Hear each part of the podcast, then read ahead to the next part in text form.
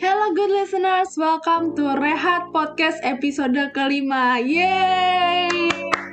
Setelah sekian lama nih, kayaknya kurang lebih setahunan pandemi dan akhirnya aku rehat dari podcast. Kita balik lagi nih rekaman Rehat Podcast untuk episode kelima bersama dengan aku Nia di sini. Pada episode kali ini kita akan berbicara tentang topik yang sangat spesial. Cluenya adalah keluarga. Sekarang aku kedatangan tamu yang sangat spesial yang tidak lain dan tidak bukan adalah adikku sendiri. Halo. Halo, good listener. Halo. Boleh dong perkenalkan dirinya?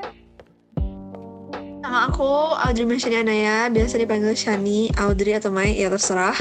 Terus kesibukannya sekarang lagi kuliah di salah satu universitas semester 4 dan juga nyambi kerja di Paramedia. Mantap. Sebenarnya kita belum tanya kesibukan tapi dia udah nerocak sendiri ya. Wow. Oke. Good listeners. Oke deh. Uh, malam hari ini nih sebenarnya sangat spesial karena kita bakal ngomongin tentang hubungan ayah dan anak perempuan, khususnya anak perempuan ya dan anaknya sebenarnya hubungan ayah dan anak itu ada yang baik, ada yang sangat buruk. Bahkan itu tuh tergantung bagaimana kita itu membangun hubungan itu dari saat kita kecil sebagai anak-anak.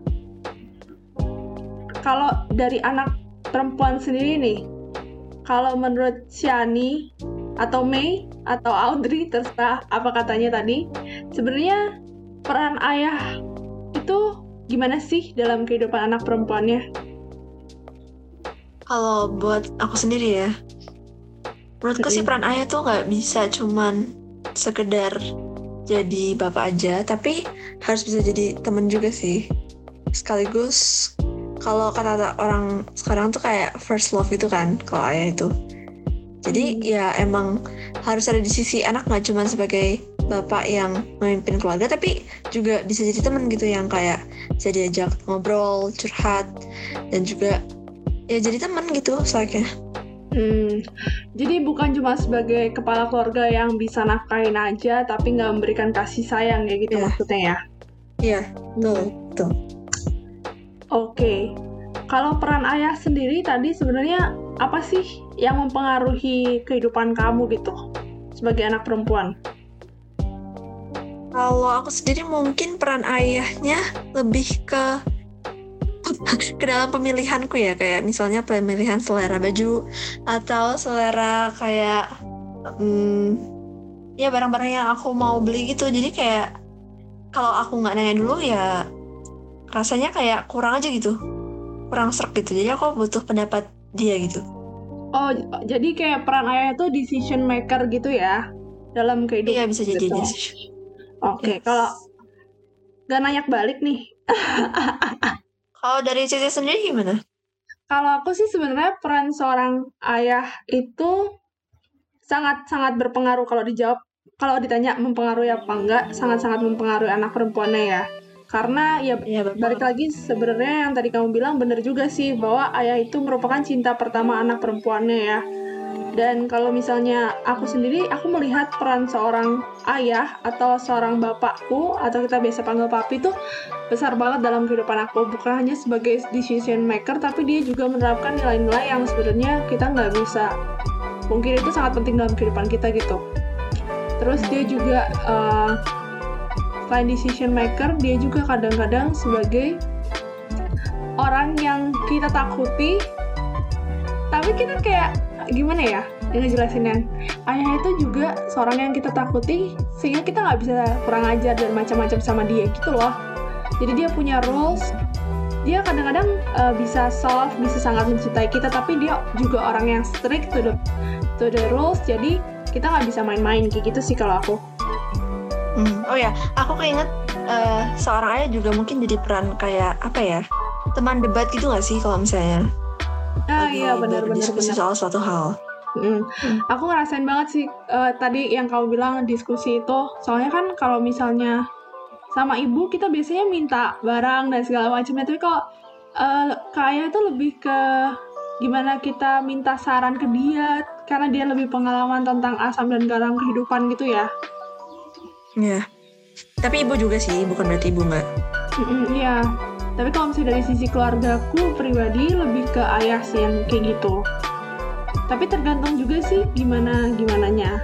Ngomong-ngomong tentang ibu nih, sebenarnya aku agak bingung sih kenapa sih orang-orang pada celebrate hari ibu tapi nggak ada hari ayah gitu. Apalagi di Indonesia ya. Kenapa tuh Iya. menurut Yani? Kalau menurut aku sih kayaknya mungkin karena ibu itu lebih dipandang gitu gak sih dan dihargai. Maksudnya terutama peran seorang perempuan gitu karena ibu kan seorang perempuan. Jadi mungkin em, banyak masyarakat Indonesia yang kayak mandang oh ibu yang paling berjasa bahkan juga banyak orang yang bilang surga ada di telapak kaki ibu dan sebagainya. Tapi kan bukan berarti surga nggak ada di telapak kaki ayah gitu kan. Iya betul kok. Kalau di agama kita kan berarti harus menghormati keduanya juga gitu ya. Iya. Benar. Hmm. Kalau menurutnya gimana? Kalau menurut aku sih karena ibu itu yang melahirkan kita, Ta- tapi dalam pengasuhan anak-anaknya harusnya ayah juga turut bertanggung jawab akan hal itu gitu. Jadi keduanya harus seimbang gitu kalau menurut aku sih. Iya. Iya. Iya. Gitu sih. Mungkin karena ke apa ya kalau tradisinya Indonesia yang lebih menghormati ibu gitu makanya nggak ada hari nggak ada hari ayah ya. Tapi menurut kamu penting nggak sih ada hari ayah atau butuh nggak sih kita hari ayah? Menurutku hari ayah tuh apa ya? Kita harus balik lagi tahu ke esensinya sih. Kalau misalnya kita ada itu hari ayah tapi kayak daily in daily life kita kayak ya udah ba- back to normal lagi ya percuma sih menurutku. Jadi sebenarnya nggak mesti diadain hari ayah tuh kita juga bisa nyatain kasih sayang atau kayak eks- mengekspresikan eh, rasa sayang itu tuh setiap hari gitu loh. Jadi nggak mesti ada hari Ada spesial momentum dulu hari gitu ayah ya? gitu iya iya nggak mesti sih Oke, bener juga- banget sih. Iya. Terus juga kalau misalnya ada hari ayah, ada hari ibu, itu kan kayak apa ya beda-beda di banyak banyak negara gitu loh. Jadi kayak ya udah just a formal thing. Jadi kayak kurang dapat essential makanya harus lihat essentialnya dulu sih. Betul sih, betul betul. Kalau kita menghormati orang tua kita harusnya kita bisa lakuin tuh kayak setiap hari gitu ya. Iya. Hmm, oke oke. Gak mesti Pertanyaan lagi. hari ayah dulu gitu. Iya, betul banget. Pertanyaan lagi nih. Menurut Shani, gimana sih sosok ayah yang baik gitu? Atau gimana sih pola asuhnya gitu? Oke. Ngomong pola asuh sebenarnya agak susah ya karena kan belum jadi orang tua gitu kan. Belum sepenuhnya ya. Tapi kalau misalnya bahas pola asuh kembali lagi ke awal memang apa ya? Orang tua itu tetap punya position sendiri gitu loh yang kayak hierarkinya untuk dihor dihormati dan dihargai. Tapi nggak ada salahnya kok kalau misalnya sebagai orang tua khususnya bapak gitu dia bisa jadi sahabat yang kayak tadi aku bilang sama mungkin sosok yang paling deket gitu loh sama anaknya gitu Hmm, oke. ya nggak ya nggak setuju nggak Eh, setuju, setuju. Cuma tadi balik lagi ke the question yang pertama, tapi gimana sih sosok bapak yang baik menurut kamu? kalau menurut aku mungkin sosok bapak yang baik dia bisa mendengarkan apa yang dimau sama anaknya terus juga dia bisa em, terbuka dan oke menghargai inspirasi boleh tapi kayak nggak ada salahnya untuk terbuka dan mungkin kayak tanya how was your day atau kayak ya ya tanya hal-hal yang sepele tapi itu dibutuhkan gitu loh Hmm, oke oke. Terus juga dia harus bisa tegas sih sama sama ya membimbing anaknya dengan benar gitu. Hmm. Jadi seimbang ya, maksudnya dia juga harus dihormati sebagai eh, pribadi yang harus dihormati, tapi dia juga mau mendengarkan anaknya gitu ya, poinnya. Ya. Ya. Dia juga bisa jadi orang yang eh, yang tadi eh, bisa yang tadi yang hierarkinya tinggi banget, tapi dia juga bisa jadi sahabat gitu ya. Ya. Kalau menurut saya gimana? Setuju nggak? Aku sih setuju sebenarnya eh, kayak gitu juga. Tapi kalau misalnya hierarki tertinggi bapak ya nanti jatuhnya jadi otoriter gitu ya kalau ngomong hierarki gitu. Kalau menurut aku. Hmm. Kalau misalnya pola asuhnya itu menurut aku bener sih yang kamu bilang harus dia harus bisa menerima pendapat dari anaknya juga. karena aku cerita dikit banyak teman-temanku yang malah trauma sama bapaknya karena dari kecil emang dididik keras banget terus akhirnya pas besar jadi nggak mau berpendapat gitu karena emang bapaknya selalu memaksakan pendapat mereka ke anaknya gitu dan menurut aku tuh agak salah Iya. kalau yang itu Iya. sosok bapak yang baik juga menurut aku yang bisa sama-sama mengasuh anak sama ibunya juga sih. Jadi kayak bagi peran gitu loh. Nggak yang mau aku aku nyari nafkah aja deh buat kamu. Aku menuhi eh, kayak aku menuhi kebutuhan materi aja deh keluarga ini tapi aku nggak mau ngasih kasih sayang atau waktu buat anak dan istri tuh agak salah sih kalau menurut aku. Iya. jadi menurut aku bapak yang ba- bapak yang baik itu bisa mengimbangi antara kebutuhan materi, kasih sayang dan juga ya waktu itu sih kalau menurut aku. Iya. Dan bapak yang Ada juga Hmm, ya. Tapi kan ada juga yang misalnya bapaknya dia cuma bisa ngasih anaknya itu kayak eh, apa ya? harta atau kayak ya udah kesenangannya tuh kayak kamu dibeliin apa diturutin gitu loh. Menurut Caca itu gimana? kalau menurut aku balik? Balik lagi ke ini sih love language-nya. Kalau misalnya love language anaknya bukan uh, receiving gift gitu ya misalnya, ya dia bakal nggak terpenuhi apa kebutuhannya, needs-nya gitu. Mungkin di di, di apa ya kayak dipenuhi kebutuhan want-nya aja aku pengen ini dipenuhi ini sama ayahku tapi kalau misalnya udah udah needs-nya itu nggak kebut nggak terpenuhi itu menurut aku ada tanda tanya juga sih Iya. dia bapak yang baik apa enggak gitu. Um, terus kalau pola asuh, aku pernah dengar kayak ada bapak yang bener-bener ngebebasin anaknya mau ngapain, mau kayak gimana, yang penting masih inget aja kalau misalnya anaknya itu bapaknya gitu, eh bapak dan anak tuh masih ada gitu hubungan itu.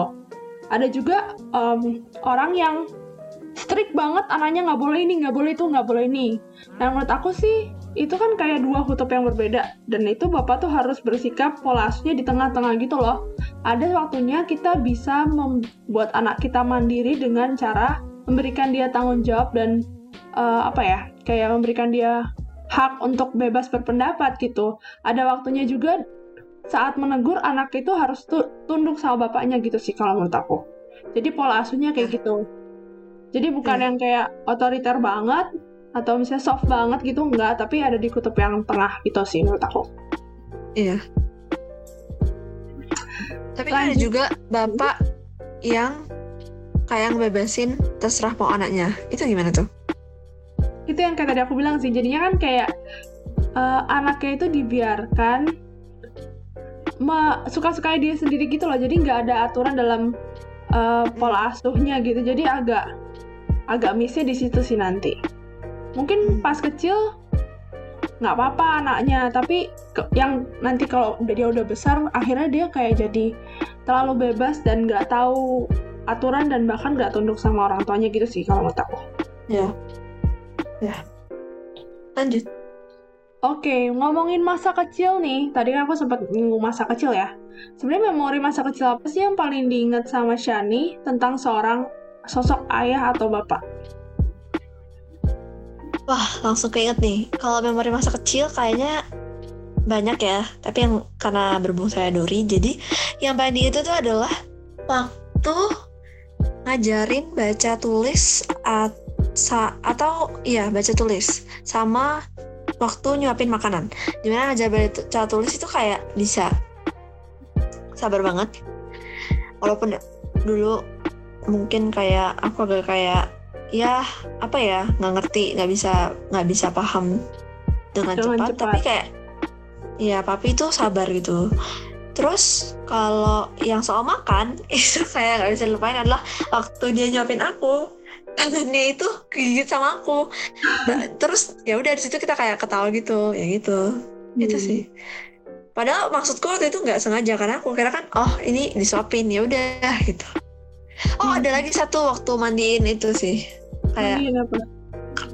mandiin aku itu merasa dimanja banget sih kayak terus kayak apa ya jadi kangen aja gitu Hmm. Oh, untuk sekarang kayaknya mandi sendiri sih lebih baik ya.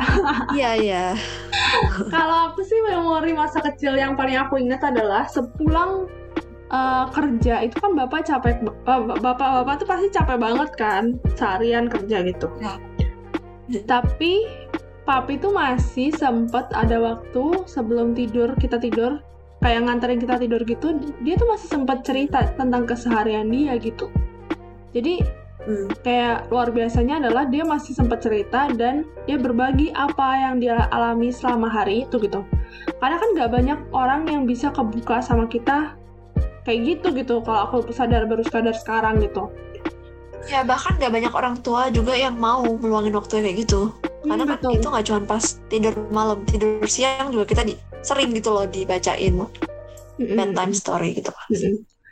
Kalau bedtime story itu hal yang kedua ya, tapi yang cerita pengalaman tuh sih yang paling membekas. Jadi kayak udah ngantuk pun dia masih mau dia disuruh cerita.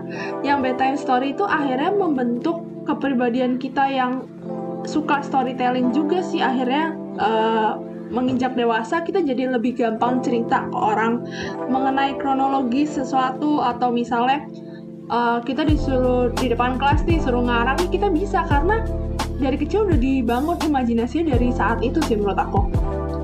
Jadi cerita dikit uh, good listeners. Papaku tuh suka banget ngarang cerita padahal udah capek banget pulang kerja tapi dia masih ngarang cerita buat kita tentang fabel misalnya monyet apa yang aku ingat tuh tentang fabel sih kebanyakan dan tentang ada seorang gadis tentang seorang anak-anak laki-laki gitu. Tapi aku lupa ya precisely ceritanya kayak gimana dan alurnya kayak gimana. Tapi aku ingat banget dia tuh dulu sering cerita. Dan dipaksa cerita. Nah itu itu sih yang keren banget gitu mesti menurut aku.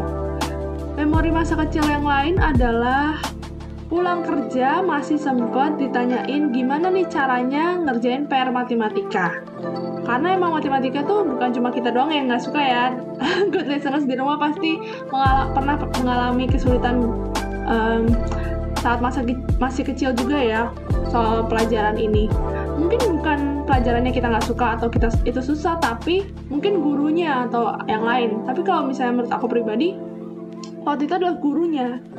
Gurunya yang nggak bisa ngajar matematika jadi aku harus nanya lagi tuh ke papa ke papi yang kita anggap tuh bisa gitu pada saat itu matematika karena dia jual uh, jurusannya kan ini ya apa namanya elektro teknik dan IPA gitu. Sedangkan kita kan waktu itu IPS dan waktu itu dari umur berapa ya yang kita diajarin matematika?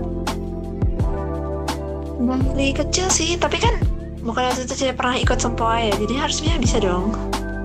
Enggak sih waktu itu kayak tetap aja dilesin tapi tetap aja orang tuh harus turun tangan buat ngajarin karena menurut aku beda aja sih esensinya waktu itu ya. Nah musik pennya udah berapa kali diajarin? Nggak bisa. Pakai cara ini pakai cara itu diajarin nggak bisa.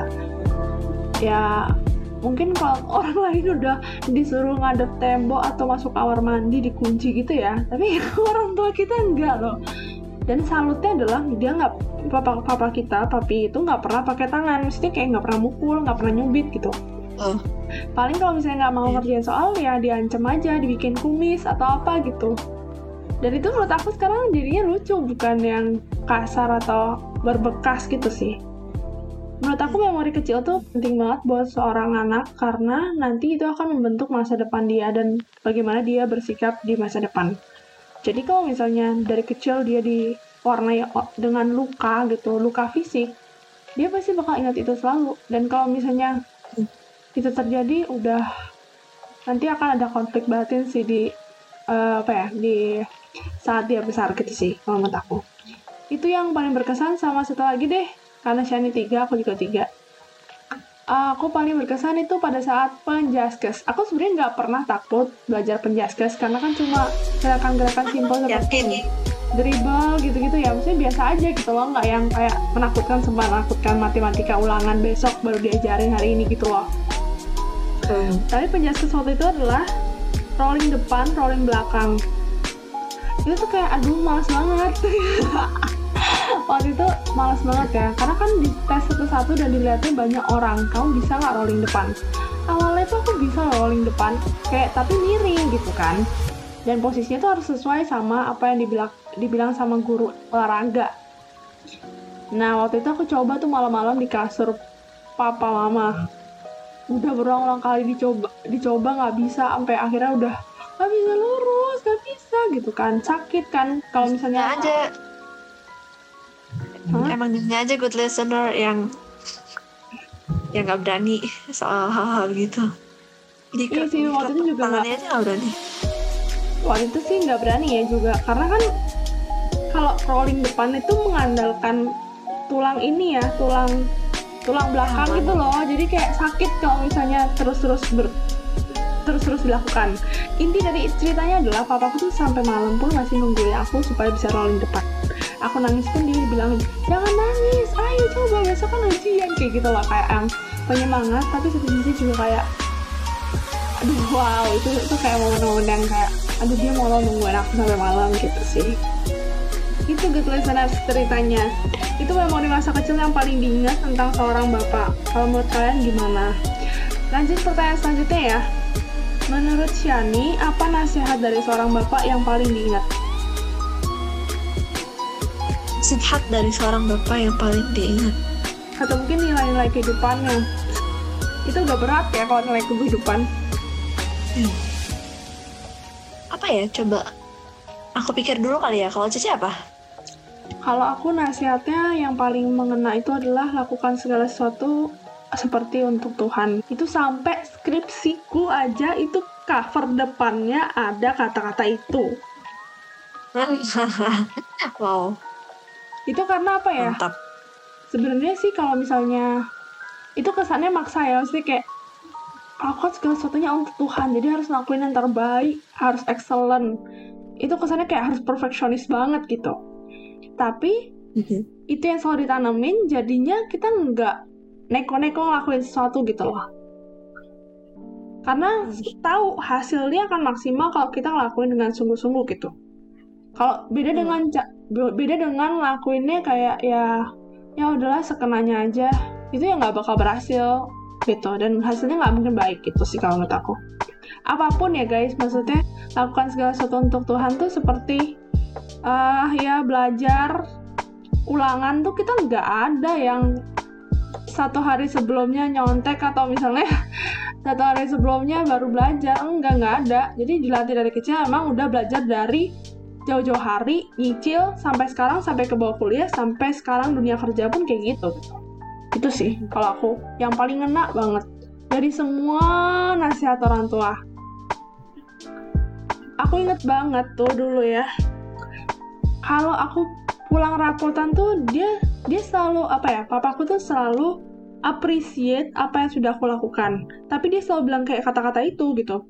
Kamu pasti bisa yang lebih baik lagi lakukan segala sesuatu untuk Tuhan gitu jadi kayak wah berat sih jadi kayak setiap kali pulang rapotan tuh nggak pernah aku sembunyi-sembunyi nggak kasih lihat nilai itu nggak pernah karena dilatihnya dari dimintain ya Iya, karena pasti yang ngambil rapot adalah papaku sendiri dan mamaku. Jadi kayak dua dong iya berdua. Jadi kayak nggak mungkin aku ngambil sendiri gitulah. Kayak anak-anak lain malsuin nilai itu nggak mungkin, nggak mungkin banget. Dan Hmm. supportnya papa mama itu dari kecil, dari ikut-ikut lomba, dari nganterin ikut lomba, setiap kali menang dia traktir makan, kayak emang harus Kalau- ada kalau apa ya? Kenapa? Kalau kamu pun tetap ditraktir makan kayak bayangin. Jadi kayak berarti bukan orang tua yang kamu harus menang gini gini gini. Bukan maksa banget sih tapi coba lakukan segala satunya lain kali ya untuk Tuhan. Kayak gitu sih. Jadi kayak tersadar bahwa ya emang nggak bisa main-main gitu loh ngejalanin apa pun. Mau mau apa kayak mau kuliah sekolah ikut lomba atau gimana? Itu sih yang paling nasihat yang paling diingat. Oh Shani? Aku kar eh, udah dapet nih karena dari dulu mungkin kayak apa ya circle pertemananku itu kayak cukup cukup dramatis. Jadi dulu ceritanya pernah dimusuhin gitu sama beberapa orang. Nah dari situ tuh kayak iya di anak kecil tau lah kayak bisa sedikit-sedikit nangis, sedikit-sedikit apa gitu sedih. Nah itu tuh satu-satunya kata yang nggak pernah aku lupain tuh ya jangan dengerin kata orang aja sih kayak misalnya mereka menjudge soal um, penampilanku terus mereka nggak suka atau dia ada masalah sama aku gitu. Pasti papi tuh selalu bilang jangan dengerin kata orang.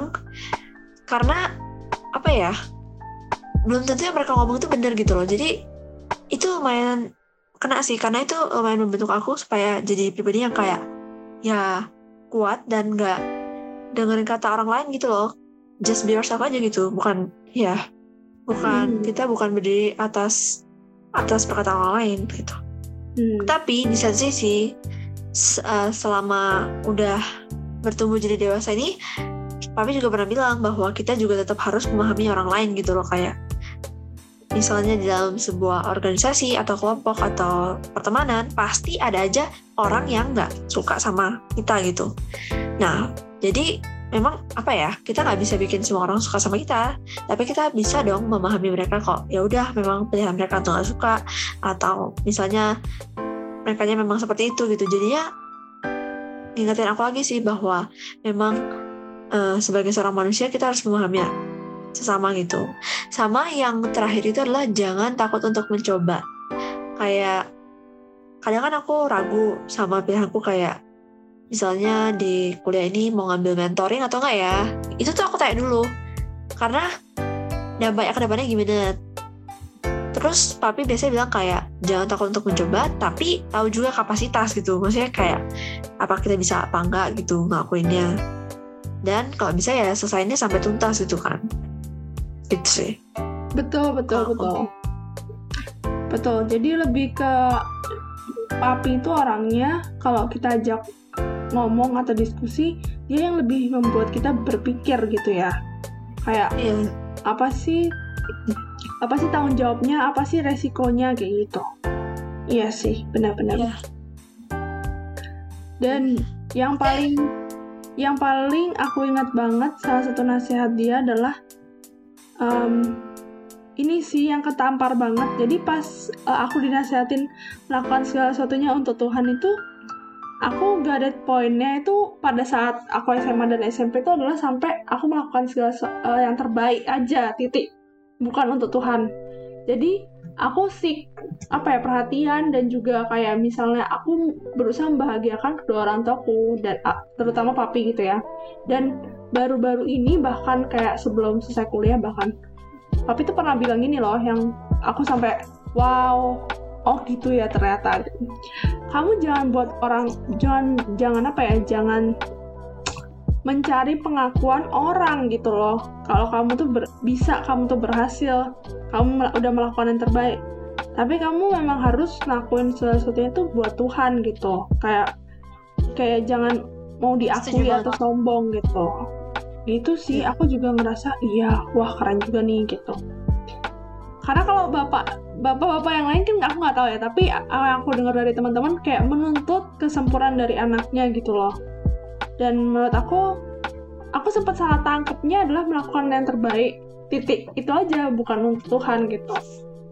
Untuk orang-orang untuk orang tuaku. Sampai akhirnya memuaskan apa ya memuaskan atau menyenangkan orang lain itu sulit banget gitu. Padahal dan kita gak nggak ada habisnya Iya betul banget dan kita kan nggak pernah bisa baca pikiran mereka mereka seneng atau enggak gitu loh Iya.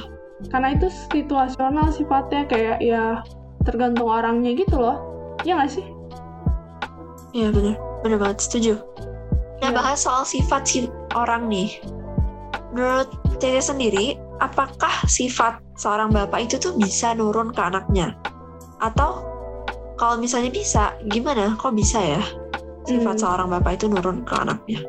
sebenarnya aku tuh pernah baca penelitian gini eh ada beberapa genetik yang fisik atau misalnya sifat atau misalnya eh, pola pikir yang mungkin menurun ke anak gitu kayak orang-orang bilang tuh misalnya buah tidak jatuh buah jatuh tidak jauh, jauh dari pohonnya gitu ya pokoknya kayak gitu gitulah Ya. tapi kalau misalnya menurut penelitian yang aku baca eh, fisik kita itu diwariskan dari ayah sedangkan intelektual tuh diwariskan dari ibu gitu kan. Dan aku udah melihat sendiri sih iya memang ada beberapa sifat juga yang diwarisi oleh ayah dan ibu. Menurut aku bagaimana sifatnya? Karena kita kan eh, tinggal terus bareng sama bapak kita dan dan kita melihat bagaimana dia berbicara, bagaimana dia marah, bagaimana dia menguapkan pendapat ke orang lain. Jadinya akhirnya ya kita juga ngerasa bahwa sifat itu turun ke kita gitu tanpa sadar ya. Bahkan orang-orang yang merasa bahwa aku nggak kayak bapakku kok gitu, nggak mungkin nggak mungkin gitu. Karena kan ada bloodline itu, ada garis darah atau genetika yang turun gitu loh. Iya. dulu mungkin aku sempet yang kayak aku nggak mau ah kayak kedua orang tua aku aku pengen jadi aku. I I wanna be me gitu. Tapi nggak bisa ya gimana? Nggak bisa. Ya kan ada, ada bloodline gitu. Baru aku sadar sekarang bahwa ya emang tuh wajar-wajar aja gitu untuk se- jadi seperti mereka tapi memang kita harus punya karakter sendiri yang mau diubahkan gitu sih kalau menurutku ini Iya. kita ngomongin sifat Contoh. jelek sama sifat positif ya Iya. negatif sama positif ya.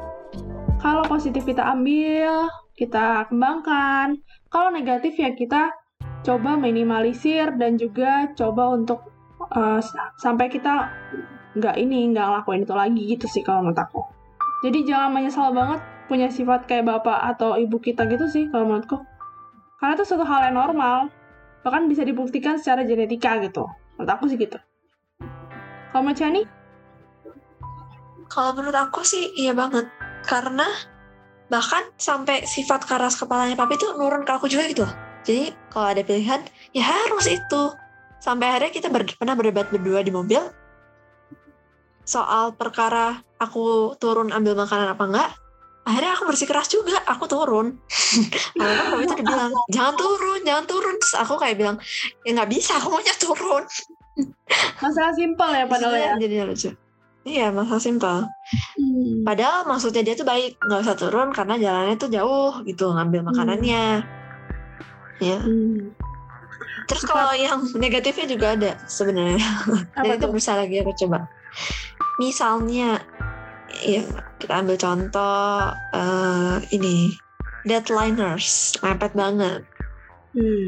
Kalau misalnya ngerjain satu hal, itu Hmm. juga ke aku sampai waktu ngerjain UTS juga kayak sebenarnya pro- bukan procrastinated procrastinating tapi lebih ke ya udah kan masih ada waktu ya udah antaran aja deh gitu Hmm. itu procrastinating ya Iya.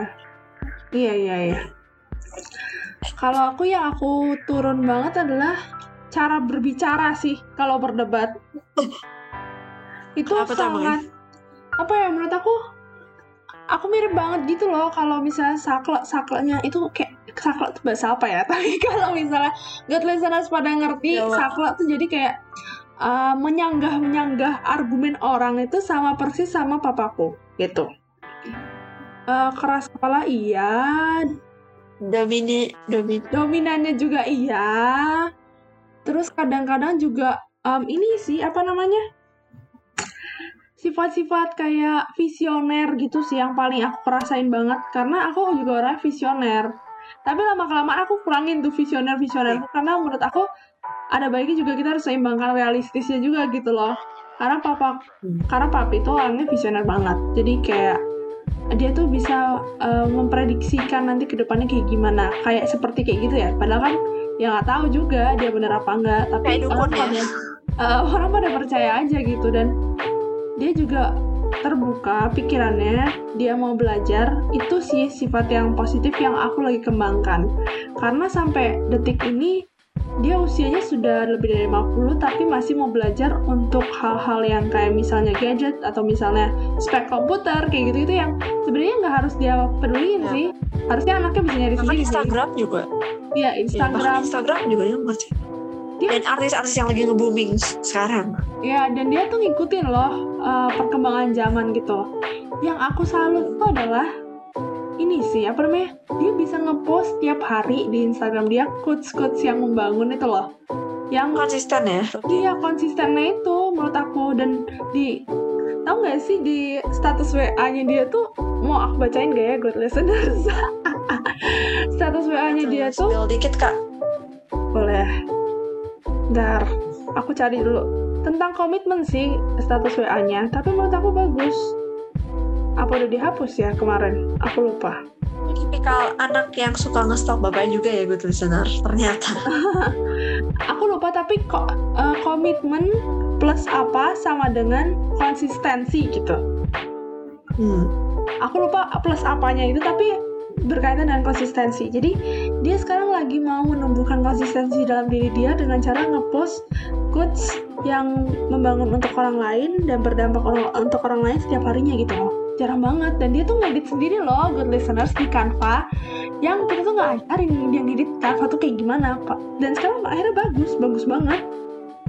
Kayak uh, apa sih? Sosial medianya hotel. Iya. kalau lihat Hmm, ya? dia sem sem- waktu itu sempat kayak bilang eh tapi nggak ngerti nih caranya pakai reels sampai akhirnya dia cari di Google cara menggunakan reels. Aku di situ ngerasa kayak oh my god masa gitu doang nggak bisa jadi kayak tapi ada merasa bersalah juga sih ya udah akhirnya aku coba jelasin nggak tahu deh dia masih ngerti apa nggak sampai sekarang Hmm. Yang aku salutin lagi adalah dia itu mau mengajari orang secara pelan-pelan dan sabar itu sih. Jadi dia nggak kalah sama emosinya sendiri gitu loh. Kalau ada orang yang nggak bisa diajarin, dia akan ngajarin lagi. Bahkan sampai seribu kali. Dia akan coba coba lagi, coba lagi, coba lagi ngajarin orang itu sampai dia bisa. Nih aku cerita sedikit ya teman-teman. Eh, papaku tuh suka sekali milih buah, milih eh, ikan di pasar yang harusnya dilakukan oleh em, ibu saya, tapi dia lakukan gitu bagian dia. Hmm. Suatu ketika dia datang ke pasar Kadonganan, pasar ikan yang ada di Jimbaran Bali. Nah, di situ dia bertemu penjual yang mengeluhkan bahwa keluhannya adalah dia itu sering dikirimi pesan eh, tidak dari orang yang tidak dia kenal gitu. Dia orang lagi belanja ikan ya, tiba-tiba dicurhatin kayak gitu. Tapi yang lucunya adalah good listeners, papaku tuh akhirnya dia tergerak hatinya buat ngajarin penjual ikan itu gimana cara pasang password di WhatsApp-nya gitu. Itu adalah suatu hal yang kayak, wow, aku tidak terpikirkan untuk mengajari orang yang lagi jualan ikan dan kita lagi beli ikan gitu loh. Tahu nggak sih teman-teman, eh, apa ya kesabaran dia tuh berbuah loh. Dan akhirnya pada saat dia sudah selesai ngajarin orang itu eh, masang password di WhatsApp, dia dia kan mau pulang, dia mau bayar ikannya. Terus ibunya tuh bilang gini, ini saya tambahkan lobster ya dua dua ekor gitu. Itu aku bener-bener ini banget lah apa namanya kayak wow keren banget nih gitu. Ada ya orang yang mau sebaik itu habis itu ngasih dua lobster yang harganya itu nggak main-main itu itu mahal lobster gitu. Itu sih berkahnya dia ber, apa ya kesabaran dia yang berbuah hasil gitu sih itu satu, satu cerita ya teman-teman. Tapi yang cerita yang kedua adalah eh, om aku yang gaptek. Dia tuh masih diajar masih bisa om aku tuh suka ngotak-atik HP akhirnya HP dia kalau nggak salah ada masalah apa gitu nggak bisa connect sama wifi. Papaku tuh bener-bener sabar banget ngajarin nenekku untuk bisa connect wifi sampai dia bisa dengan kesabaran penuh dengan tidak marah-marah. Padahal nenekku tuh udah kayak gaptek udah tua dan segala macam gitu ya. Kalau kita anak muda melihatnya kayak duh mustahil banget orang ini buat belajar bu eh, connecting wifi. Tapi buat dia kayak ini penting untuk diajarkan. Dia mau kasih contoh ke anaknya bahwa kamu tuh harus sabar ngajarin orang gitu. Harus bisa sabar Hmm. gitu sih Hmm. itu sih dua cerita yang sangat menggugah hati tentang sifat dia sifat baiknya yang harus kita contoh ya. Luar biasa karena sampai sekarang pun juga masih struggle ya buat sabar kayak gitu. Ya bahas soal sifat nih. Kalau dari Cici sendiri apa sifat yang disukai dan tidak disukai dari papi itu? Wah. Ah wow. Spill the tea sis. Spill the tea. Oke. Sebenarnya aku gak mau gamblang banget kayak aku nggak suka sifat ini, aku nggak, aku suka sifat ini ya. Tapi tadi dari cerita yang tadi tuh aku sukanya dia sabar. Dia mau ngajarin orang uh, meskipun dia nggak kenal pun dia mau ngajarin. Terus dia juga ramah ke orang lain sehingga dia punya banyak koneksi yang tidak terduga gitu. Misalnya lagi Iya. duduk-duduk gitu, misalnya di mana makan sate atau apa di bengkel gitu. Tiba-tiba dia bisa loh ngobrol sama orang panjang kali lebar gitu tanpa dia tuh ngerasa ada curiga sedikit pun sama orang itu. Jadi dia tuh ramah banget gitu. Terus sifat apa lagi yang dia eh, iya tegas dia tegas. Em, terus dia juga orang yang pekerja keras. Dia tuh mikirin banget gimana cara bisa menghasilkan untuk anak istrinya sampai detik ini pun. Kalaupun aku, apa ya dia tuh masih kerja sampai sekarang di umur yang 50 lebih ini gitu menurut aku tuh pekerja keras banget dan dia muter otak loh buat ngidupin keluarga gitu. Menurut aku sosok yang sangat-sangat berjasa dan ya apalagi ya sifat baik dia tuh banyak sebenarnya. Yang aku apa ya yang aku kagumi salah satunya adalah dia tidak memandang orang itu siapa untuk bicara sama orang itu mau tukang apa mau apa mau apa tapi cara bicaranya tuh nggak bisa nyambung ya? Iya dan nggak sombong gitu loh kadang-kadang kan kita ngerasa sombong banget aku udah gini loh ada gini tapi dia nggak kayak gitu. Dia bahkan jarang loh cerita tentang dirinya sendiri. Dia lebih banyak ngedengerin dan bertanya. Kalau diperhatikan ya pola komunikasinya adalah ber dan yang terakhir adalah ya. Dan yang terakhir adalah sifat dia mau belajar. Kalau kita lihat eh, buku-buku di bawah gitu ya di rumah kita tuh, semua tuh buku-buku yang secara acak itu dia beli untuk dia pelajari. Misalnya digital marketing, dia tuh nggak ngerti digital marketing gimana. Dia beli buku loh, dia baca digital marketing. Anaknya dua-duanya ini sekolah komunikasi. Dia nggak mau kalah sama anaknya. Dia beli buku komunikasi, dia baca, dia pelajarin. Supaya dia bisa ngimbangin ngomongnya supaya dia bisa apa ya catch up sama perubahan zaman yang begitu cepat banget gitu sih kalau menurut aku itu sih kalau menurut aku dan dia nggak pelit bagi ilmu itu aja sih menurut aku nggak pelit dan mau belajar Shani gimana? kalau dari aku sendiri yang disuka ya itu as a decision maker Hmm. karena biasanya kalau aku ceritakan ya butuh apa ya pendapat dan pandangan dari papi juga gitu Hmm. Terus selain itu juga hmm, papi tuh kayak ya sabar sih tadi juga sama sabar. Tapi dia tuh selalu punya caranya sendiri. Aku masih bingung di sini. Dia ini tuh sifat yang aku sukain atau enggak. Tapi misalnya nih dia punya caranya sendiri untuk misalnya kita mau pergi ke suatu tempat terus kita lewat jalan yang beda dan nggak tahu sama sekali tapi ya udah bisa bener gitu loh dan sampai nya itu tepat waktu dan cepat gitu. Jadi kadang kan kita kayak udah kesel atau marah gitu lah ya. Kok kayaknya nggak jelas nih jalannya gitu. Baik itu ya maksudnya kok kayaknya nggak ada tanda-tanda mau menuju ke tujuan nih gitu. Ternyata akhirnya bener gitu. Kayak maksudnya dia selalu punya caranya sendiri untuk bisa ngebikin keluarganya itu bahagia dan apa ya maksudnya tanpa bisa bisa perencanaan gitu ya tujuan iya tanpa, tanpa perencanaan. perencanaan. Iya. Yes yes. That's right. Ada lagi jadi itu tuh sampai udah ya jadi sampai akhirnya kayak kita waktu itu di Bromo kita nggak percaya sama dia. Ka- kalau kita bisa sampai naik ke atas. Karena itu udah gelap banget kondisinya di malam-malam.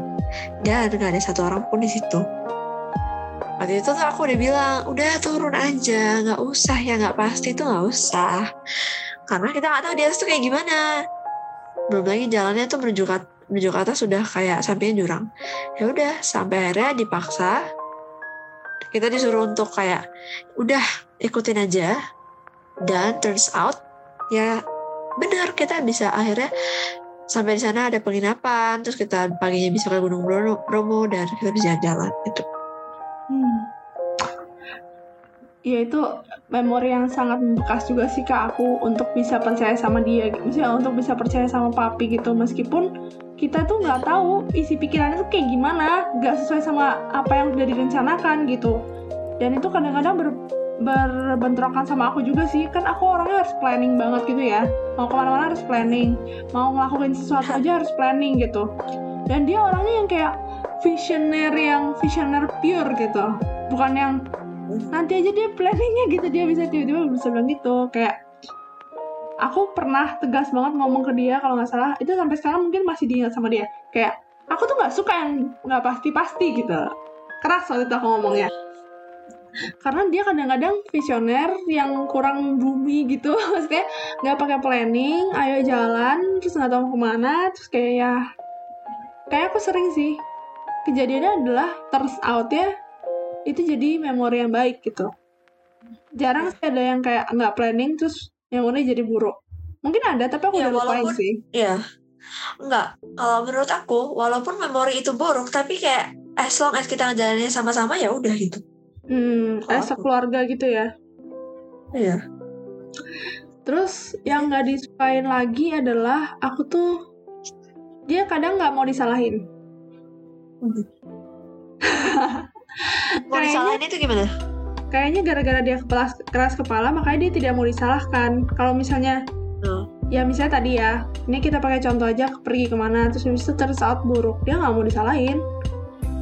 Karena ya memang ya kayak gitu. Gimana ya cara ngomongnya? Tapi emang dia kayak gitu. kayak kita debat aja dia selalu punya argumen yang tepat agar kita bisa mundur gitu. Jadi sampai sekarang pun argumen ah, kalau adu argumen sama dia aku juga masih belum bisa ca- celah untuk menangnya sih. Mungkin celah untuk menang, tapi dia diem gitu loh jadinya. Jadi tidak pernah Oh ya, sa- menanggapi aku. Iya, satu lagi yang aku nggak suka itu adalah biasanya kalau aku ngechat sama orang temen, terus aku ketawa-ketawa karena itu emang beneran truly lucu gitu. Dia bisa nyangkanya yang aneh kayak kenapa kok kayaknya senyum-senyum banget sih gitu, kok kayaknya bahagia banget. Nah emang nggak boleh gitu kan? Aku Hmm. pikirnya. Terus habis itu aku bilang, ya kenapa ini temanku. Langsung dia kayak bilang, dia kayak di situ tuh kayak mulai apa ya kepercayaannya gue gitu, yakin gitu gitu. Padahal kan emang ya udah beneran gitu. Masa iya aku harus kasih tunjuk kan enggak. Pernah suatu saat waktu aku lagi ke bawah lihat dia di meja makan duduk, terus dia tuh ketawa-ketawa sama handphonenya sendiri. Nah di situ aku kayak "Ah, kesel gitu pengen bilang kayak itu ketawa gak apa-apa tuh tapi kayak ya udah aku kayak bilang ya udah deh ya udah deh terserah aja aku diamin aja Oh, aku Kamu ngerti poinnya. Aku ngerti Yes. poinnya. Berarti kayak ngejilat ludah sendiri gitu ya? bisa jadi bisa jadi Iya kayak gitu. Aku aku mengerti, aku ngerti. Tapi memang kebanyakan manusia mau jilat ludah sendiri sih. Aduh. Jadi gak ada manusia yang sempurna dan sesuai sama perkataannya. Tapi mungkin dia lagi berusaha tuh agar perkataan dia juga sesuai sama tingkah lakunya, tingkah lakunya dia gitu. Salah satu yang aku tidak suka lagi adalah apa ya? Sebenarnya tidak Kayak- banyak. Tidak banyak, tapi menurut aku dia salah satu papi itu salah satu orang yang membuat kita ini sih apa toxic positivity. Nggak tahu sih arah arah arah yang baik atau yang buruk, tapi kayak dia tuh benar-benar melatih anaknya untuk menjadi kuat. Jadi dia kayak gitu aja masalahnya diperbesar. Kan ini bukan masalah besar gitu. Tapi itu masalah Oh. besar buat kita. Buat dia nggak masalah besar. Jadi mungkin nggak nyambungnya di situ gitu. Misalnya eh, apa ya masalah kecil terus ditangisi kan itu bentuk ekspresi diri kalau menurut aku. Tapi menurut dia itu adalah suatu kecengengan gitu sebagai anak perempuan. Jadi ya mungkin dia lebih ke logika juga sih ya. Aku lebih ke perasaan tapi nggak ngerti juga sih. Kayak dia Hmm. cara membentuk anak untuk kuat tuh kayak gitu gitu. Dan Hmm. mungkin salah satu yang aku salut adalah dia dia pernah bilang gini sih ke orang banyak depan orang banyak gitu ya. Dia bilang bahwa privilege itu bukan dikasih mobil mewah atau misalnya makan makan di tempat yang mewah terus pergi liburan bukan. Privilege itu dia menjadi miskin tuh dia privilege loh. Itu aku waktu itu kaget sih kok orang bisa ya eh, di depan orang umum dia bisa bilang kayak gitu. Bahwa kemiskinan dia tuh privilege. Artinya dia tuh udah berdamai dengan diri dia sendiri lama banget gitu. Iya nggak sih Shan? Iya karena nggak mudah juga sih kayak gitu. Maksudnya ya kali ada orang yang berpikir bahwa miskin itu privilege gitu. Iya. Dan dia tuh orang yang kuat banget, makanya dia pingin juga anaknya jadi kuat gitu. Dia nggak nggak mental tempe yang dikit-dikit nangis dan segala macam. Tapi masalahnya kan tergantung situasi juga. Kalau misalnya emang kita harus nangis ya jangan ditahan-tahan gitu nggak sih, Shan? ya belajar mengekspresikan diri ya Iya. Mungkin nggak tahu ya, tapi mengekspresikan diri tuh menurutku juga penting gitu. Bukan yang harus Iya. kuat banget dan pura-pura kuat dan akhirnya tiba-tiba menjadi bom waktu dan akhirnya ada masalah lagi nih gitu. Ngerti nggak sih? Iya, oh ya, iya. Tapi menurutku to expressive as a person juga nggak bagus sih, karena kadang aku ada suka kayak nggak suka itu kayak misalnya, tapi ini bisa bercanda sama orang yang nggak dia kenal dan itu tuh turun ke aku gitu loh. Misalnya ada mbak-mbak kasir atau mbak-mbak yang di pintu tiket itu dia bisa kayak ketawa-ketawa eh, bukan ketawa-ketawa dia bisa kayak bilang bercanda loh mbak segini atau kayak misalnya loh mbaknya dari tadi di sini mana? gitu-gitu. Misalnya pelayan atau dan sebagainya. Menurutku itu itu kayak aduh ini embarrassing banget ngapain kayak gini? Mbaknya belum tentu bilang itu lucu juga gitu loh. Tapi kayak ya udahlah kayak gitu sifatnya papi emang. Dan itu nurun ke aku. Hmm. semua orang baru semua orang baru ya good listener aku bercandain supaya ke sana ya udahlah ramah gitu Tapi menurut aku konteks bercandanya papi tuh kadang-kadang eh, gimana ya? Kadang-kadang itu eh, nggak bisa semua orang terima gitu loh, Dek. Kalau bercanda yang ya iya hanya misalnya apa plesetin kayak bercandaan bapak-bapak yang pada umumnya gitu plesetin ya eh, misalnya misalnya apa ada gitu. pelayan bilang saya angkat ya pak ba- apa piringnya terus dia bilang oh ya silakan gitu akhirnya jadi biasa aja sih gitu.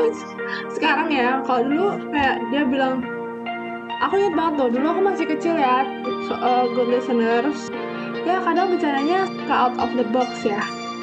Seperti kadang-kadang juga membeli percaya pada hal-hal yang misalnya membeli barang yang belum tentu asli tapi dia tetap beli secara impulsif gitu loh itu karena aku juga nggak suka karena apa ya tidak mempertimbangkan seperti yang tadi kan.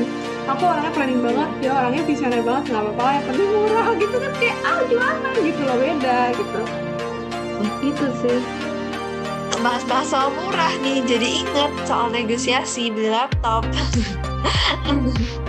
Lanjut ya itu sih kalau itu sih kalau misalnya udah udah soal bahas soal negosiasi atau apa tawar menawar wah udah deh nggak ada tandingnya deh. Menurutku papi ini udah yang paling dewanya deh. Karena dia bisa tanya dan membandingkan semua jenis laptop sampai akhirnya kita bingung mau beli yang mana nih. Akhirnya diperhadapkan pilihan dan akhirnya ada satu yang ya udah menurutnya paling affordable dan worth it gitu pas akhir masih tetap bisa ditanya lagi. Jadi menurut masnya saya lebih baik beli yang mana ya? Aduh itu udah malas banget udah kayak udah please stop gitu kayak. Orangnya pasti bersyukur itu tuh orangnya sabar ya tapi kita nggak tahu ya sabar sabarnya orang pasti dalamnya kayak agak ada kodoknya juga mungkin. Ya tapi dari situ sih kayak belajar bahwa memang nggak ada salahnya untuk untuk apa ya bukan planning tapi kayak untuk persiapan lo sebelum beli supaya nggak salah gitu dan harus tahu juga sih kegunaannya beli barang tuh apa kadang-kadang dia tuh suka bimbang bukan gimana karena dia nggak planning makanya dia Iya. bimbang Iya, dia sebenarnya tahu pilihannya dia itu ini gitu loh, udah. Tapi karena ada godaan-godaan lain itu jadinya bimbang gitu kayak, oh ya ini ada plus minusnya ya, ini ada plus minusnya. Kalau bisa dapet yang bagus, tapi harganya ya diperas banget lah gitu. juga sulit ya Tadi kan udah happy-happy ya, kita udah bahas banyak hal. Sekarang pertanyaan itu adalah, apakah Cece as a anak sulung pernah membuat papi itu kecewa? pasti pernah ya jadi anak tuh masalahnya mau ngaku apa enggak gitu sih mau cerita apa enggak karena em, papi itu bukan orang yang ekspresif balik lagi. Jadi kalau dia marah jarang terlihat. Kalau dia sedih juga jarang terlihat. Terakhir kali aku lihat dia nangis itu aja di ini KKRKB apa sih kayak acara KBC gitu deh. Karena film gitu. Jadi kayak? Iya, jadi aku kayak mikirnya, aku juga nggak tahu sih kapan dia kecewa sama aku, tapi Iya, aku aku nggak ngerti kapan dia, kapan dia bilang kayak papi kecewa sama kamu. Secara precise tuh nggak nggak nggak pernah ingat. Tapi mungkin ada satu kejadian ya yang uh, aku ingat sampai sekarang gitu. Kalau di masa kecil dulu, aku sering bohong kan. Kalau dulu kecil, kayak aku sering bohong kalau aku nggak mau tidur siang. Akhirnya aku nonton TV. Padahal aturannya kita nonton TV cuma Jumat Sabtu Minggu. Em, abis itu akhirnya aku bohong. Aku sama mbakku bersinergi untuk bisa mau nonton TV gitu deh. Dan akhirnya dia uh, pulang pada saat itu dia pulang kerja dia mergokin aku nonton TV terus akhirnya dia bilang dia kayak papi bilang uh, dia bilang gini papi kecewa banget nih sama kamu kamu kok nggak bisa dipercaya kayak gini menurut aku salah satu yang mengecewakan dia adalah saat anaknya itu nggak bisa dipercaya sih. It- entah itu urusan soal hal-hal kecil seperti nonton TV atau eh, diberikan kepercayaan dalam hubungan atau diberikan kepercayaan dalam hal barang. Karena menurut menurut dia mungkin kepercayaan itu mahal sekali sehingga kalau misalnya anak itu mengecewa apa anak itu nggak bisa menjaga kepercayaan dia itu akan sangat mengecewakan sih menurut aku Em, salah satu contoh lainnya adalah pada saat dia em, apa ya kalau nggak salah aku pernah hilangin barang gitu deh. Terus habis itu dia bilang kayak kamu kok udah segede ini tapi kamu nggak bisa dipercaya sih papi kecewa banget sama kamu. Kayak gitu sih yang aku ingat. Alma mater. iya alma mater. Masalah alma mater tuh. Padahal aku anggapnya kayak ya udahlah mater bisa beli lagi. Tapi menurut dia tuh itu dia udah beli kamu harusnya jaga itu apa ya itu sangat berharga untuk kelulusanmu. Jadi kamu harus jaga itu gitu. Alma mater hilang tuh sebenarnya bukan salahku ya. Maksudnya kayak sepenuhnya salahku tuh tidak. Tapi dia karena itu barang udah dibelikan dia dari a- ke aku jadi menurut, menurut dia tuh tanggung jawabku gitu. Termasuk sama barang-barangku yang lain misalnya laptop kamera dan yang lainnya kayak gitu gitu sih. Hmm. kalau menurut aku ya kepercayaan yang dianggap dijunjung tinggi itu kepercayaannya gitu kalau nggak bisa dipercaya anaknya dia pasti kecewa banget gitu sih Bener banget. Sama kayak aku kalau misalnya aku yang masih teringat tuh adalah pernah membuat kecewa setiap kali pergi dan pulangnya malam. Itu pasti kayak mukanya udah berubah kayak kenapa kenapa lama, lama, lama banget gitu keluarnya. Padahal emang kenyataannya ya nah apa ya nggak ada yang perlu ditutupin sih. Cuman ya memang nggak tahu. Dasar dasarnya anaknya nggak tahu waktu aja jadinya gitu bikin kecewa. Misalnya janji pulang jam 9 jadinya jam 10 atau ya gitu.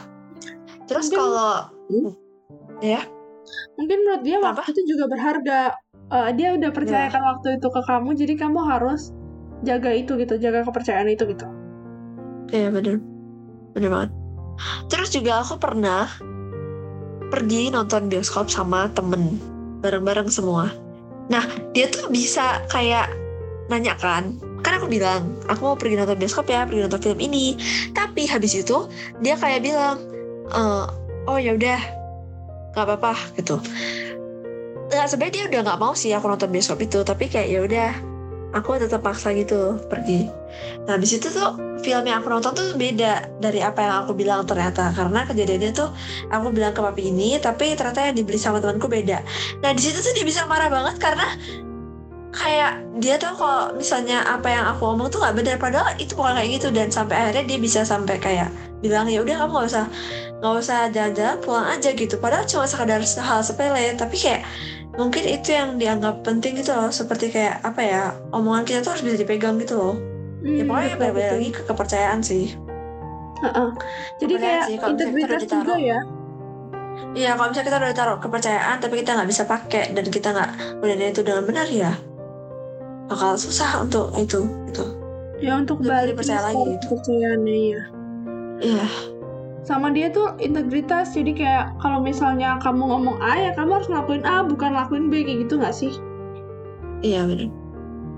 itu yang dijunjung tinggi banget Iya. oke Oke, move on to the next question. Menurut Cici sendiri, apa momen yang paling buat Cici tuh bangga kalau punya seorang papi? Em, sebenarnya banyak ya momen yang membanggakan dari seorang papi gitu. Tapi salah satunya adalah aku bingung sih antara bangga atau sangat-sangat berterima kasih. Sebenarnya menyekolahkan sampai lulus itu merupakan suatu kebanggaan sih dan dan papi tuh sangat bekerja keras untuk bisa ngelulusin aku gitu. Makanya aku pas waktu kerjain skripsi itu yang dibayangin aku tuh bukan eh personal boyband Korea gitu enggak muka papi mami gitu. Jadi kayak ya apa ya aku harus payback nih sama mereka. Mereka udah eh, nyekolahin aku tinggi tinggi setinggi tingginya dan selalu support aku. Bahkan kayak kalau misalnya mau S2 pun tetap disupport. Jadi aku harus apa ya bayar harga untuk bisa menyelesaikan apa yang sudah aku mulai gitu sih. Yang membuat aku bangga lagi tuh pada saat apa ya um, aku bingung deh kalau ini. Tapi pada saat mereka hadir di dalam kelulusan SMA SMP aku pernah loh nangis gara-gara papa tuh nggak hadir pada saat kelulusan SMP kalau nggak salah. Gara-gara menurut aku tuh sangat penting gitu loh. Dan aku bangga punya papa itu gitu papa papi itu. Nah di situ sih sama pada saat dia naik panggung setiap kali kadang-kadang kan dia ditugaskan di gereja juga untuk uh, bawain firman Tuhan dan segala macam gitu kan ya. Dia orang yang sangat religius dan uh, ya semua orang mengakui anak-anak uh, pelayanan dia dulu mengakui hal itu. Dan aku setiap kali dengar cerita itu aku sangat-sangat bangga. Setiap kali dia apa ya dia kan andalannya adalah bersaksi satu telur dibagi tujuh kan. Karena kan dulu dia hidupnya tidak tidak seberuntung sekarang dan di situ aku bukan yang malu sih punya papa dulu latar belakangnya seperti apa. Tapi aku bangga banget dia bisa melalui hal itu dan dia bangga untuk cerita hal itu. Karena prosesnya untuk bisa memaafkan dan berdamai dengan situasi itu sangat sulit loh. Yeah. dan itu membuat aku bangga sih. Menurut menurut aku tuh wow keren banget gitu. Dia bisa ya berdamai dengan dirinya berdamai dengan situasi berdamai dengan orang-orang yang dulu nyakitin dia. Kayak gitu sih. Ya. kalau menurut aku ya itu hal yang paling membanggakan kalau aku juga iya sih soal itu tapi lebih ke kayak aku ngeliat papi tuh bangga gitu loh karena dia ternyata bisa jadi seorang pemimpin yang nggak cuman di dalam keluarganya tapi di dalam organisasi juga ya apa ya bisa dipilih bahkan ditunjuk jadi kakak rohani atau pemimpin di gereja dan lain sebagainya itu kayak menurutku sebuah kebanggaan sih karena nggak semua bapak bisa kayak gitu kan dan juga berkaitan dengan ability lah ya. Dan juga aku suka nggak ngeh gitu loh maksudnya kayak aku suka nggak habis pikir kok bisa ya papaku itu misalnya jadi ketua dari sebuah organisasi atau jadi hmm, ya kakak pemimpin dan sebagainya. Ternyata itu loh yang kayak apa namanya dia bisa berikan gitu loh sifat kepemimpinannya itu loh menurutku yang aku paling banggain sih. Hmm. Tapi Sama, gimana ya. sih? Kamu ya lanjut aja dulu. Kalau aku ternyata aku baru sadar juga bahwa saat-saat membanggakan dia jadi pemimpin iya, tapi saat dia tun, maksudnya kadang-kadang dia harus tunduk, dia harus ngepel, dia Iya. harus nyapu, dia harus Iya, masak. Dia juga mau. Iya dia juga Iya. mau kayak gitu loh. Jadi aku bangga banget. Iya. Iya. Kayak jarang ada orang yang mau kayak gitu gitu loh. Iya. Iya betul. Dia ngelakuin itu dengan hati juga, bukan yang kayak terpaksa aku harus kayak gini. Harusnya kan ini tugas istri atau tugas ibu rumah tangga atau tugas siapa. Tapi dia tetap lakuin. Jadi Iya. bangganya karena dia memberikan contoh dari tindakan bukan cuma ngomong doang gitu. Iya benar. Benar. Setuju setuju. Apa yang kamu tambahin tadi deh?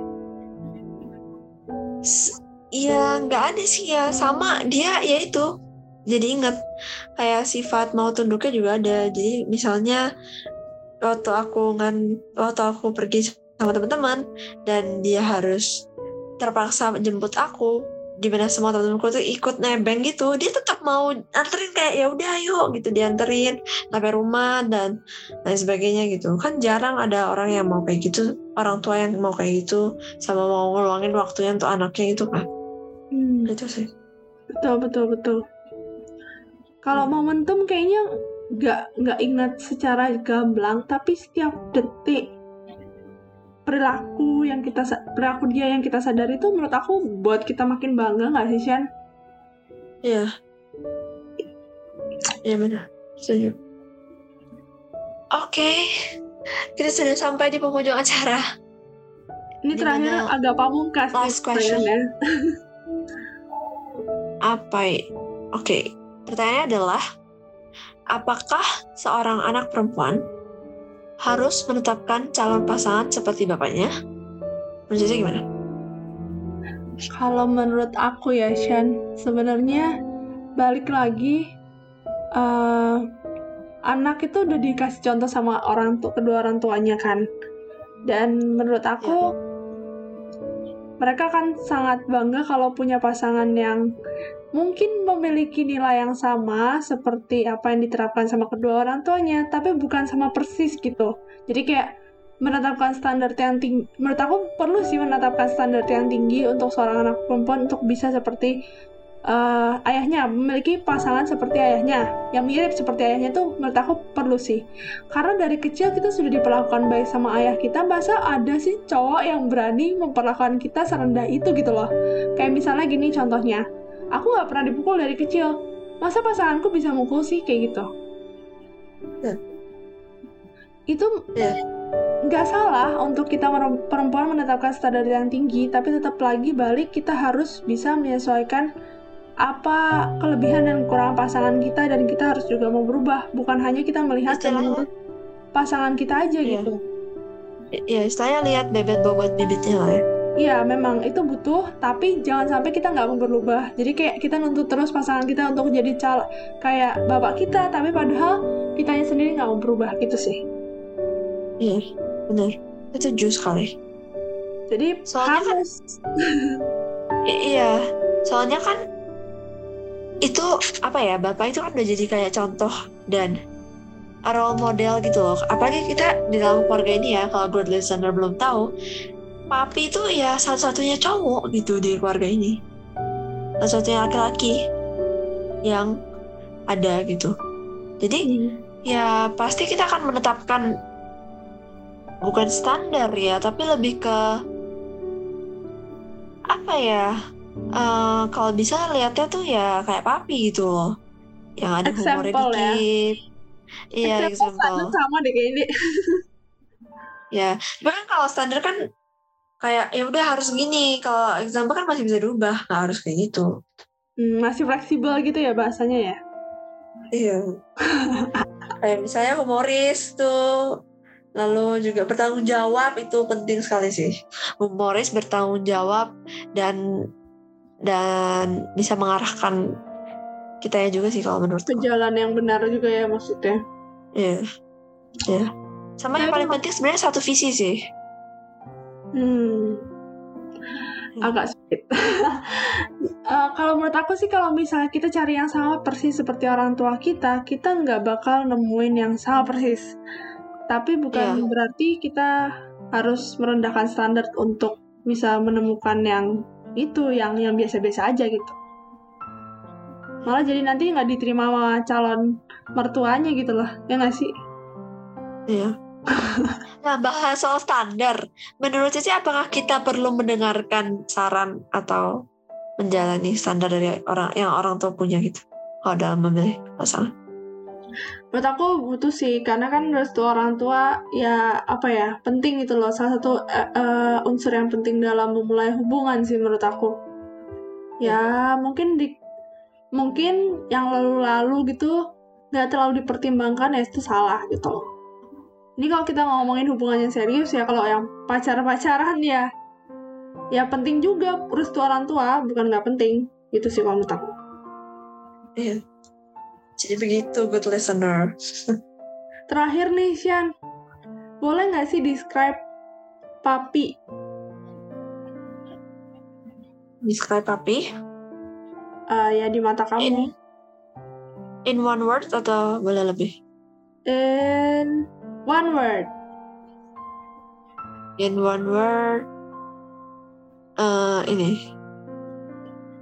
Apa sih kalau kalau cewek perempuan kan superwoman. Kalau kalau laki-laki itu apa ya? Strong man super dad. Ya strong man kalau aku itu.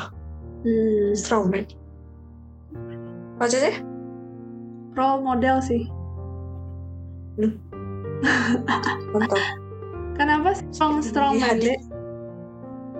Strong man karena ya strong aja. Aku ngeliatnya dia apa ya? Meskipun dia banyak beban dia tuh nggak. Kalau orang bilang ya waktu itu aku pernah nonton juga iklan Thailand itu loh yang kayak uh, ayahnya sama anaknya. Ayahnya tuh bohong ternyata. Kalau dia tuh kerja. Padahal padahal dia itu dia itu kerjanya itu bukan kerja kantoran tapi dia kerja itu kerja kuli bangunan gitu loh. Maksudnya kayak banyak beban yang ayah punya tuh kadang nggak terekspresikan sama anaknya gitu loh jadi kayak Hmm. ya kadang aku ngerasa seberat apa pun rintangan sama sama masalah yang papi hadapin tuh kadang dia tetap apa ya berusaha buat kita ini loh bahagia gitu loh dan nggak mau Hmm. nggak mau kasih lihat kalau misalnya dia tuh capek atau dia tuh kayak kayak apa ya kayak udah nggak kuat itu oh ya by the way aku keinget yang tadi Cici bilang aku jarang lihat papi nangis terakhir kali lihat Hmm. waktu HBC atau acara apa itu Hmm. kalau aku justru terakhir kali lihat itu waktu eh, emak itu meninggal itu wah itu kayak sedih banget sih dia Iya, Kayak- iya, iya, iya. iya. itu itu itu terakhir kali kali aku lihat papi nangis waktu nih walaupun walaupun dia misalnya nahan gitu di matanya dia masih kelihatan gitu matanya merah kayak aku udah mati kayak ya udah sih nangis aja keluarin gitu dia juga nggak ada yang ketawa atau apa gitu di situ sih itu yang kayak Hmm. waktu dengar kabar emak meninggal tuh kayak wah baru kelihatan oh ya ternyata papi bisa sedih juga loh gitu Iya. Iya, betul, betul, betul. Betul sih, iya. Memang dituntut untuk jadi strong man ya. Kalau aku Iya. kenapa role model karena ya tadi dia kasih teladan bukan dari eh, perkataannya atau apa ya?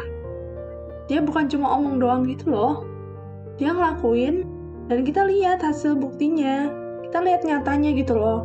Kalau dia komitmen ya dia beneran ngelakuin komitmen gitu. Jadi kita bisa lihat dari outcome-nya gitu loh. Bukan cuma kayak sombong-sombong aku dulu pernah ini dulu pernah ini. Enggak dia ngelakuin. Dia benar-benar rendah hati dia ngelakuin. Sehingga kita bisa tahu oh kayak gini loh contohnya orang yang benar-benar jadi baik. teladan hidup ya? Iya jadi teladan. gitu sih. Kenapa role model ya? Itu yang paling dekat sama aku sih role modelnya. Karena kalau role model aku ditanya ya misalnya di sekolah dulu role modelmu siapa ya? Terus aku kayak mikir ah siapa? Gitu. Aku nggak tahu aku nggak pernah sesuka.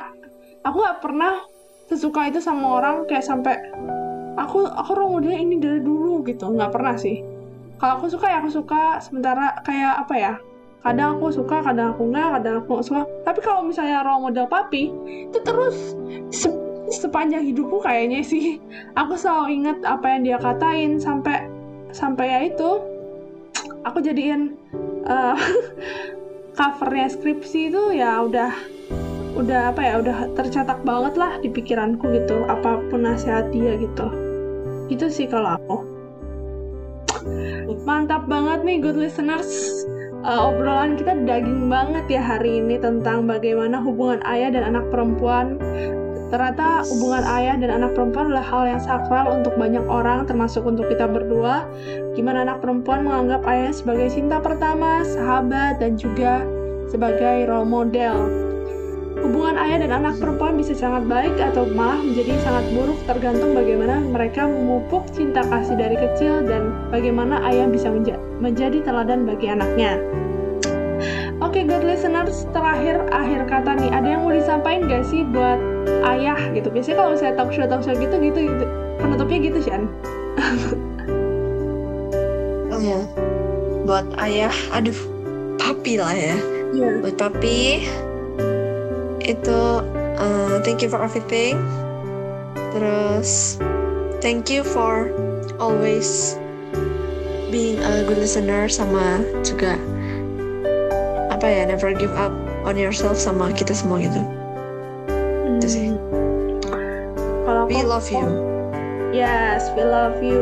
Kalau aku sih aku mau ngucapin bahwa ini kan nanti tayangnya tanggal 13 ya, hari Jumat. Um, birthday buat Papi Haryanto Sugianto. Aku harus sebut namanya nih Shan, dari tadi nggak disebut namanya. Iya. Netizen kalau eh, good listener kalau nggak dengerin sampai akhir pasti nggak tahu. Iya betul. Sebenarnya podcast ini tujuan dibuat podcast ini adalah untuk memperingati hari ulang tahun dari papa kita berdua. Semoga apa pun yang insight yang kita omongin tadi, eh, maaf kalau ada salah kata atau eh, apa ya kayak menyinggung gitu tentang sifat-sifatnya atau gimana. Tapi sadarilah bahwa kedua anakmu ini sangat-sangat menghormatimu sebagai ayah kita, sebagai papi kita, dan juga um, kita sangat appreciate terhadap dukungannya. Uh, kalau aku sendiri, aku um, suatu saat aku nggak mungkin bisa bales, cuma suatu saat aku uh, mau gitu. Bilang bahwa nggak apa-apa pi untuk nangis. Nggak apa-apa pi untuk putus as uh, kadang-kadang kayak merasa down kayak gitu. Karena kita semua manusia jadi kita harus mengekspresikan apa yang kita rasakan gitu loh. Aku pengen bilang itu sih. Dan ya kita akan selalu dukung papi sebagai kepala keluarga. Um, akhir kata thank you for everything sih. And I love you. Love you Oke, okay, good listeners, thank you for listening. Dan jangan lupa untuk tetap mendengarkan Rehat Podcast di Spotify, Apple Podcast, dan kanal podcast lainnya. Rehat Podcast, sit back and relax.